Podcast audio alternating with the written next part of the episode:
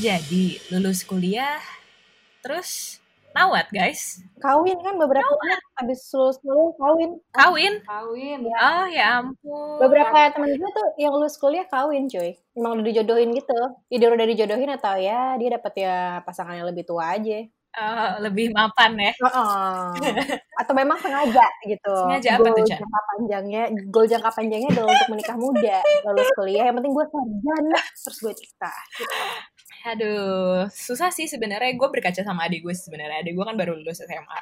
Hmm. Terus eh, dia sendiri agak pusing sih sebenarnya karena ujian-ujian yang seharusnya offline gitu kan malah Hmm. dijadiin online dan banyak banget kecurangan-kecurangan gitu sih sebenarnya nggak gue Iya. agak kasihan guys.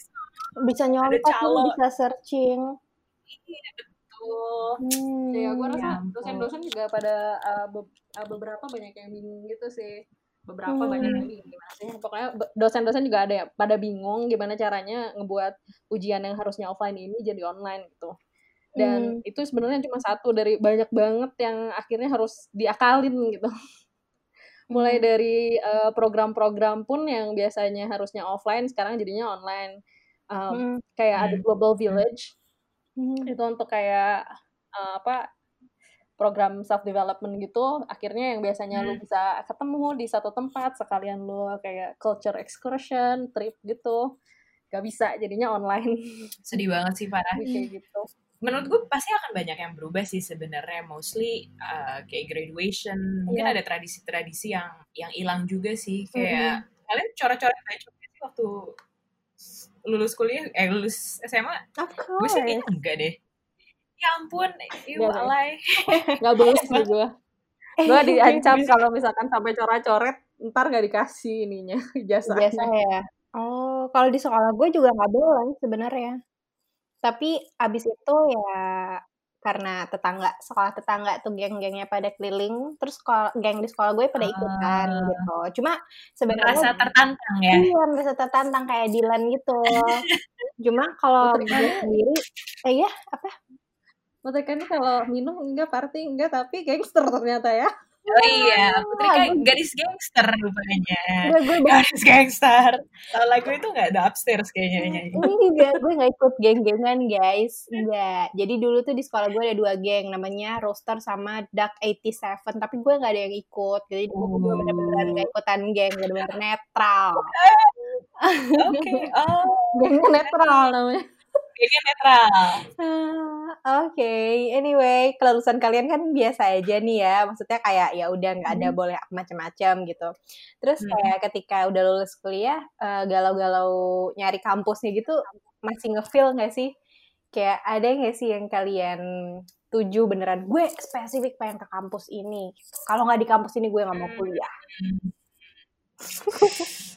Hah, ambi ya. Gue sih enggak to be very honest. Mm. Sebenarnya sebenarnya gue gue gede di sa- di satu keluarga yang kampusnya tuh itu itu mulu gitu ngerti gak sih? Menurut anda rumah saya di- berada di kompleks dosen ya gitu kan ya.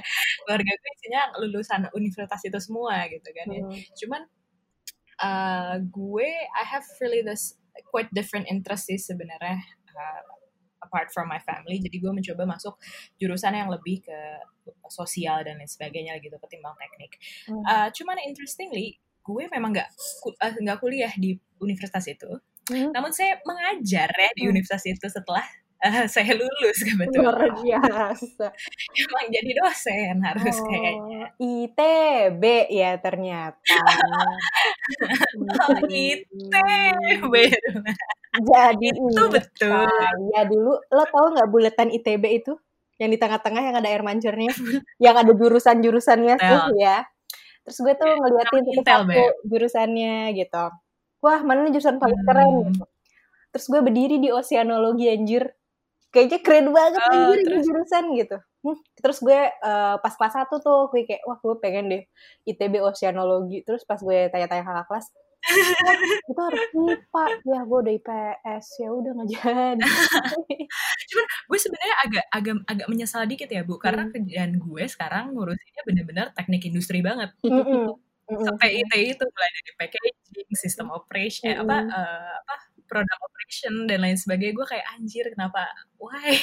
Nah, apa Beb, teman gue harus masuk situ kayaknya. temen gue TI ITB kerjanya di Traveloka ujung-ujungnya business development Oh, kirain kerja. Sama sama temen gue juga. Temen gue di Kuliah kerja teknik di- masuknya bang. ada ya kuliah teknik. Dirinya HR coy. Emang pasti beda-beda gak sih? Mm-mm, Iya, mm-mm. emang iya, kadang-kadang apa yang kita harapkan tuh gak sesuai sih sama keadaannya ke depan. Kita nggak tahu kan jalan takdir kita gimana. Temen gue ada yang teknik metalurgi teknik metalurgi di bank gitu. anyway eh, terkait kuliah kuliahan ini gimana tuh? Tadi kalau Lydia Alia kan eh, ya udah dia nggak ada target gitu. Kalau lo gimana Lid? Ada cerita menarik nggak Jadi- ketika milih kampus? State of mind gue ketika gue lulus adalah gue nanya sama teman-teman gue yang di swasta eh di di negeri. Terus beberapa eh, senior gue tuh bilang dosen negeri tuh katanya banyak yang ngajar di swasta. Jadi gue Hmm, punya satu dosen temen gue punya satu dosen eh, dia tuh ngajar di negeri yang cukup bagus tapi dia nggak pernah masuk di kelasnya di negeri karena dia ngajar di swasta coy Gaji lebih gede, Beb jujur. dan dia ngajarnya tuh di kampus Hmm. gua Eh, jadi dulu gue pas begitu lulus sebelum lulus ya sebenarnya gue nyari kampus tuh gue pengen yang jurusannya sesuai sama interest gue karena ka- kan apa sih SMA gue tuh terkenal IPA banget kan jadi semua anak-anak tuh udah pasti semua hampir 80% lah let's say maunya masuk ITB dikit banget yang akhirnya tuh masuk jurusan sosial gitu. termasuk Hmm. gue karena IPS-nya juga cuma berapa persen kan dan uh, Hmm. gue pun nggak matok pengen ke mana pengen ke mana gitu cuma dulu tuh sempat Hmm. kepikiran pengen masuknya ke HI Unpar aja biar dekat tapi ternyata Hmm. sebelum masuk HI Unpar gue coba testing di Presiden University dan gue bilang sama diri gue sendiri daripada capek-capek gue ikutan tes belajar segala macam kalau gue udah dapet beasiswa di sini udah deh gue nggak akan nyari lagi gitu. Dan ternyata dapet gue beasiswa di situ. Terus kayak ya gue. gratis sekolah gratis gitu kan. Cuma bayar makan ini doang ngekos doang tapi beneran Sumpah, itu beasiswanya 100% tuh beneran nggak 4 bohong? tahun. Oh. Eh, bayarnya cuma bayar ini doang kak pas pertama kali dapat kan lo mesti kayak semacam DP kecil gitu kan Iya, uang gede. ya cuma uang itu doang sama sisanya ngekos udah selain itu gua nggak nggak ada bayar SPP nggak ada bayar apa-apa skripsi Oh, apa gua nggak bayar Chan gimana nih Chan? Lo kan anak negeri nih. Kayaknya lo dari dari kecil ya negeri ya. Gue sama Lydia, eh enggak deh. Gue gue pribadi gue nggak pernah sekolah di sekolah negeri sih. gue Iya, baru gue swasta akhirnya pas gua kuliah Kalau di negeri ya mungkin gue bisa mengiyakan ya justifikasi kalian ketika SMA yang sudah sangat mature itu memilih kampus karena memilih kampus karena takut dosennya hilang gitu. Kalau di kampus gue eh, dosennya itu memang dari misalkan say 8 kali pertemuan at least 75% pasti di kelas. Selebihnya mungkin either praktek atau dikasih tugas gitu. Nah, Coba kalau yang kayak ngajar di sekolah swasta di apa namanya di kampus swasta gitu, eh, kalau untuk dosen yang udah PNS gitu tuh jarang, bener-bener cuma di satu kampus ini doang, gitu. hmm, menarik sih. Ngomongin soal jurusan nih, Mm-mm. menurut kalian ini nggak sih nyambung nggak sih jurusan yang lo ambil pas lo kuliah sama sekarang kerjaan kalian? Nyambung, nyambung nyambung ya nyambung, nyambung banget. Iya lah, Chan lo kan kalau itu kan komunikasi. obvious banget. kalau Alia gimana Kalau gue sebenarnya nyambung-nyambung gak sih karena ketika gue dari SMA gue besar di dunia sangat antrop antropologi dan seni rupa gitu kan. Terus gue masuk kuliah sangat-sangat uh, politik tapi gue kerja di bisnis dan sekarang gue kerjaannya TI dan bisnis gitu kan ya. Jadi ya sebenarnya nyambung-nyambungnya tuh bukan di mata kuliah yang gue ambil sih ataupun di jurusan yang gue ambil, cuman lebih kepada pembelajaran yang selama yang gue dapetin selama gue kuliah gitu. Hmm. Which is nggak cuman gue dapetin saat di kelas maupun di lingkungan kampus, tapi juga di eksternal kampus baik itu organisasi atau itu teman-teman. Gue juga cukup aktif banyak kiri kanan kan waktu gue kuliah. Itu sangat-sangat membantu sih instead of like the the jurusan itself. Apa sih di jurusan? Wow, why so jaksel guys? program studi program studi Oh, program tadi studies. program ya samanya lah di program. Iya, ketimbang jurusan gue gitu sih. Nah, gue penasaran sih sebenarnya sama Ucan karena lo bener-bener apa ya? Lo tuh kalau bahasa Islamnya bahasa Islam, bahasa Arabnya syurotol mustaqim jalan yang lurus gue jadi kayak nggak lurus-lurus banget sih gue sebenarnya tuh uh, pas SMA gue kan udah pernah cerita tuh di episode sebelumnya dua episode atau tiga episode sebelumnya kalau gue emang pengen masuk IPS supaya bisa kuliah komunikasi. Nah itu waktu itu tuh pengen jadi penyiar TV guys kayak Najwa Shihab ya. Begitu. Terus ketika gue ketika gue berkuliah kok gue merasa PR ini menarik ya jadi gue akhirnya ya udah gue terjunnya ke PR gitu cuma dari segi gue pengen cuap-cuap ya udah gue uh, praktek cuap-cuapnya broadcastingnya di radio gitu jadi gue kuliah belajar teorinya praktek broadcastingnya gue dari Hmm. radio di luar sekolah gitu menyeimbangkannya gitu akhirnya supaya tetap terwujud lah mimpi menjadi penyiar ya Oh, ya. Pas sudah kerja sekarang bikin podcast ya sekarang. Iya, kan sering terjadi ya, nggak bisa menggapai mimpi, diusahakan saja supaya terjadi gitu loh. belum bukan gak bisa belum Siapa tahu bikin radio sendiri. Eh iya, pengen sih. Iya nggak sih? Iya ya. Mahal Parah. tahu Beb beli pemancarnya. tapi gue penasaran deh lo berdua eh, proses pemilihan jurusannya kayak gimana sih? Sampai akhirnya kayak dari SMA terus tiba-tiba lo masuk jurusan yang lo pilih ini kayak oh ya kayak gue ngambil jurusan ini. Apakah ternyata nyasar? Apakah ternyata diarahkan orang tua? Atau kalian emang udah punya pemikiran ya gue harus ke situ gitu? Nggak Beb, gue anak merdeka Beb. Gue milih Oh sendiri. ya ampun.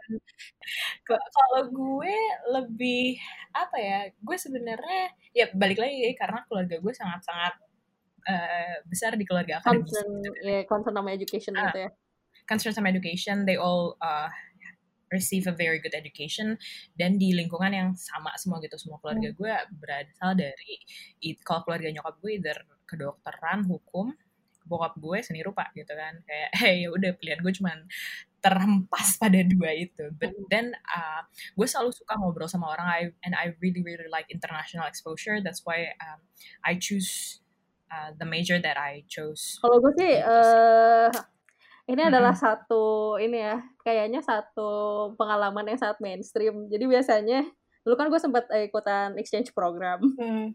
Let's just say 90% dari anak yang ikut exchange program tuh Ah, selesai-selesai balik-balik pasti pengennya masuk HI. Terus kayak ya gue juga international girl citizen of the world. I'm a make peace to the world ya Global play. tapi ya gue suka banget uh, learning about cultures uh, terus kayak how Mhm. it plays out into the uh, social settings and Hmm. how people can actually bridge that gitu. Jadi ya udah akhirnya gue emang pengen masuk HI kan. Ya udah terus uh, dapat di jurusan yang uh, kampus yang ada jurusan HI-nya Hmm. ya udah akhirnya begitu dapat sudah sesuai yang gue mau ya udah gitu Hmm, hmm, hmm. Itu tadi pas kuliah ya. Oh, Udah lulus gitu. kegalauan apa waktu itu. Nah, iya nih. Sekarang udah lulus ya. Yang lucu, orang tuh ma- masuk HI, maksudnya kayak lu kerjanya apa sih kalau masuk HI? Paling kalau nggak NGO internasional, jadi diplomat kan, yang Iya. paling mainstream lah ya. Iya. Dua hal itu. Cuma nggak nggak mungkin dari sebanyak sekian banyak lulusan HI dan jurusan HI yang ada di Indonesia satu angkatan tuh Hmm. karirnya di situ masuknya ke situ gitu apalagi Hmm. considering kalau lo mau kerja di NGO tuh experience lu udah mesti oke banget gitu baru lu bisa masuk NGO kan jadi sebagai fresh grad agak sulit sih sebenarnya buat lo bisa tembus ke situ Oke, tadi kan tadi udah cerita tuh tentang proses nyari jurusannya, Alia juga, gue juga. Terus ketika udah lulus, apa nih kegalauan berikutnya? Ter pasti nyari kerja dong gitu karena gue sadar banget ketika kita bertiga nih nggak ngebet kawin atau ngebet apa gitu. Kita pasti ngejar karir kan bertiga. Oke, berarti gue sebenarnya nggak pernah galau pilih kerja sih, karena uh, mungkin gue sangat-sangat hashtag blessed gitu ya. I've been working since I was like semester 1, semester 2. Gue intern di Kompas waktu gue SMA, Kompas Muda. Terus gue dapet exposure terhadap media, dan gue 2015 kerja di media independen itu, uh, langsung masuk, gue ngajar di ITB kan, gue ngajar ITB, gue ngajar di Unpar, uh, part time jadi marketing di startup temen gue dan langsung masuk kantor di Jakarta gitu sih. Eh enggak deh sebelum itu gue pernah kerja jadi konsultan dulu buat Australia gitu. Jadi ya, gue nggak pernah. I'm I'm very grateful that I never uh, apa ya in a moment di mana gue bingung mau kerja apa karena gue lebih bingung milih kerja yang mana karena gue diterima di banyak tempat gimana ya I wanted bitch gitu. Emang gue tuh sombong ya. Gue membuat persona gue dalam podcast ini tuh sombong. Sorry banget. Iya, gak apa-apa kita dukung. Gak apa-apa bagus. Kalau kurang kurang lebih Putrika sama juga ya. Kalau Alia Blast gitu gue dibukakan jalan mungkin agak lebih humble dikit gitu. Jadi ketika Jadi guys sudah mulai kelihatan ya di sini uh, karakteristik masing-masing dari pengisi podcast dibukakan ini. jalan untuk apa? Ke rahmatullah. untuk berkarir di radio ya pada saat berkuliah. Lalu ketika Hmm. sudah lulus kuliah, gue iseng-iseng tuh ikut eh, coba ah gue ah, sambil cari-cari kerja di Jakarta. Eh Hmm. ternyata gue keterima nih di kantor gue yang sekarang. Jadi emang kayak oke kinerja lu bagus, Hmm. udah lanjut gitu sampai sekarang. Ah, Gue sebenarnya eh, nggak membayangkan akan berkarir di media sih. Cuma dari SMA gue selalu kecemplungnya terkait media lagi karena gue emang suka nulis.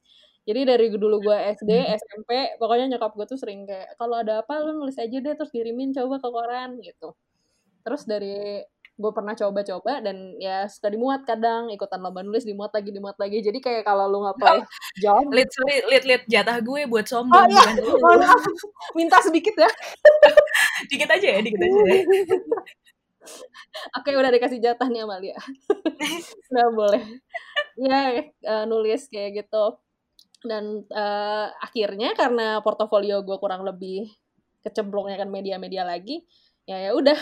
Kalau misalkan gue apply, eh, itu pasti nyantolnya ke media lagi atau terkait media. Pas eh, menuju gue lulus, gue apply ke satu PR agency Mm, mm, mm. dan uh, gue masuk ke bagian semacam analisisnya gitulah research and anal- analysis jadi lebih ke writing karena gue emang lebih suka writing kan nah somewhere along the way uh, gue mulai bosen di uh, bagian divisi itu dikasih challenge untuk coba di divisi lain dan ya udah akhirnya nyemplung situ. Cuma gini deh, Itu kalau misalkan kalian berdua harus di posisi adik-adik sekarang nih yang pada lulus, terus kayak anjir gue mau kiri mentok, kanan mentok gitu, mau coba cari kerjaan, mungkin banyak perusahaan yang belum buka lowongan karena kondisi juga lagi kayak gini. Ketika kalian berada di posisi mereka, what will you do What gitu? would I do? Uh, gue akan tetap cari kerja sih. Kayaknya maksud gue, uh, mungkin banyak sektor terimbas gitu Hmm. kan ya. Uh, with my background, I think uh, there there are a lot of opportunity sih. Hmm. Like business consultancy, mereka masih buka. Even some agencies, digital. I think mereka digital Hmm. lagi heavy banget deh sekarang. And they need people gitu kan Hmm. ya. Uh, so tapi untuk anak-anak mungkin yang teknik atau kedokteran dan lain sebagainya, eh, gue gak tahu sih kedokteran, but anyway let's just say teknik gitu kan ya, Hmm. yang kerja memang on field gitu, gue nggak begitu tahu sih gimana kondisinya. Last time I check teman gue yang kerja di oil rig, mereka masih tetap kerja sih. Hmm. So I think um, mungkin ada beberapa layoff karena harga-harga minyak lagi turun dan lain sebagainya Hmm. adjustment, but seriously for now if you really really need a job, just do whatever available karena later on it will give you an experience in a way sih. gue setuju banget sih Uh, menurut gue meskipun sekarang lo nggak bisa ketemu orang langsung dan nggak bisa Hmm. mendapatkan experience kalau misalkan internship langsung tapi di digital world ini it's it's either lu bisa excited atau lu takut gitu nah lebih baik lu men-channel kalau lu takut lu channel lah ketakutan lu itu Hmm. untuk pengembangan diri supaya lu bisa tetap True. develop Hmm. gitu Yes. True. Nah, menurut gue tetap sih tetap jalan aja dan saran gue nomor satu sih jangan picky. Hmm. Jadi kalau misalkan Iya. lu punya lu ngerasa kayak aduh gue harus kayak gini harus kayak gitu per- untuk kerjaan pertama lu Hmm. tuh lu yang penting dapat experience-nya dulu deh. Yes. Lu Yes. apply aja dulu pekerjaan apa pun itu yang menurut lo lo punya skill walaupun nggak bener-bener nyatu atau nggak sesuai dengan keinginan lo, jangan terlalu idealis. Cobain aja dulu. Hmm. Actually, talking about point yang lo Hmm. sampaikan, Lit, apa ya? I think since 2018 or 17, the word digital nomads is actually on the rise gitu kan Hmm, ya. iya. Gue sempat beberapa kali nyari uh, remote working dan itu banyak banget listnya. You should try that because that it it pays you in dollar gitu loh. Hmm. Kayak oh my god, lo dibayar dolar, lo tinggal di Sukabumi gitu. That's like a dream gitu kan. Lo tinggal bayar apa ya murah banget gitu kan. Lo tinggal di Indonesia Hmm. gaji dolar. Iya, gue juga Iya. agree sih.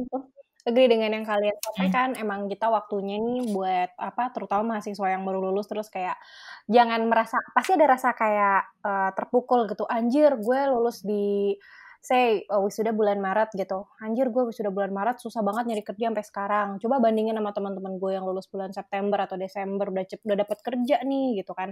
Menurut gue perasaan-perasaan kayak gitu itu sih jalan hidup mohon maaf ya. Perasaan-perasaan itu jalan hidup. ada deh jadi jangan disalahin keadaan. Betul setuju gue setuju. semua orang punya jalannya masing-masing gitu. Entah mungkin pintu sekarang lo belum dibukain mungkin ke depannya lo jalan lagi melangkah lagi melangkahnya tuh maksud gue adalah dengan kayak mengisi diri lo gitu kan.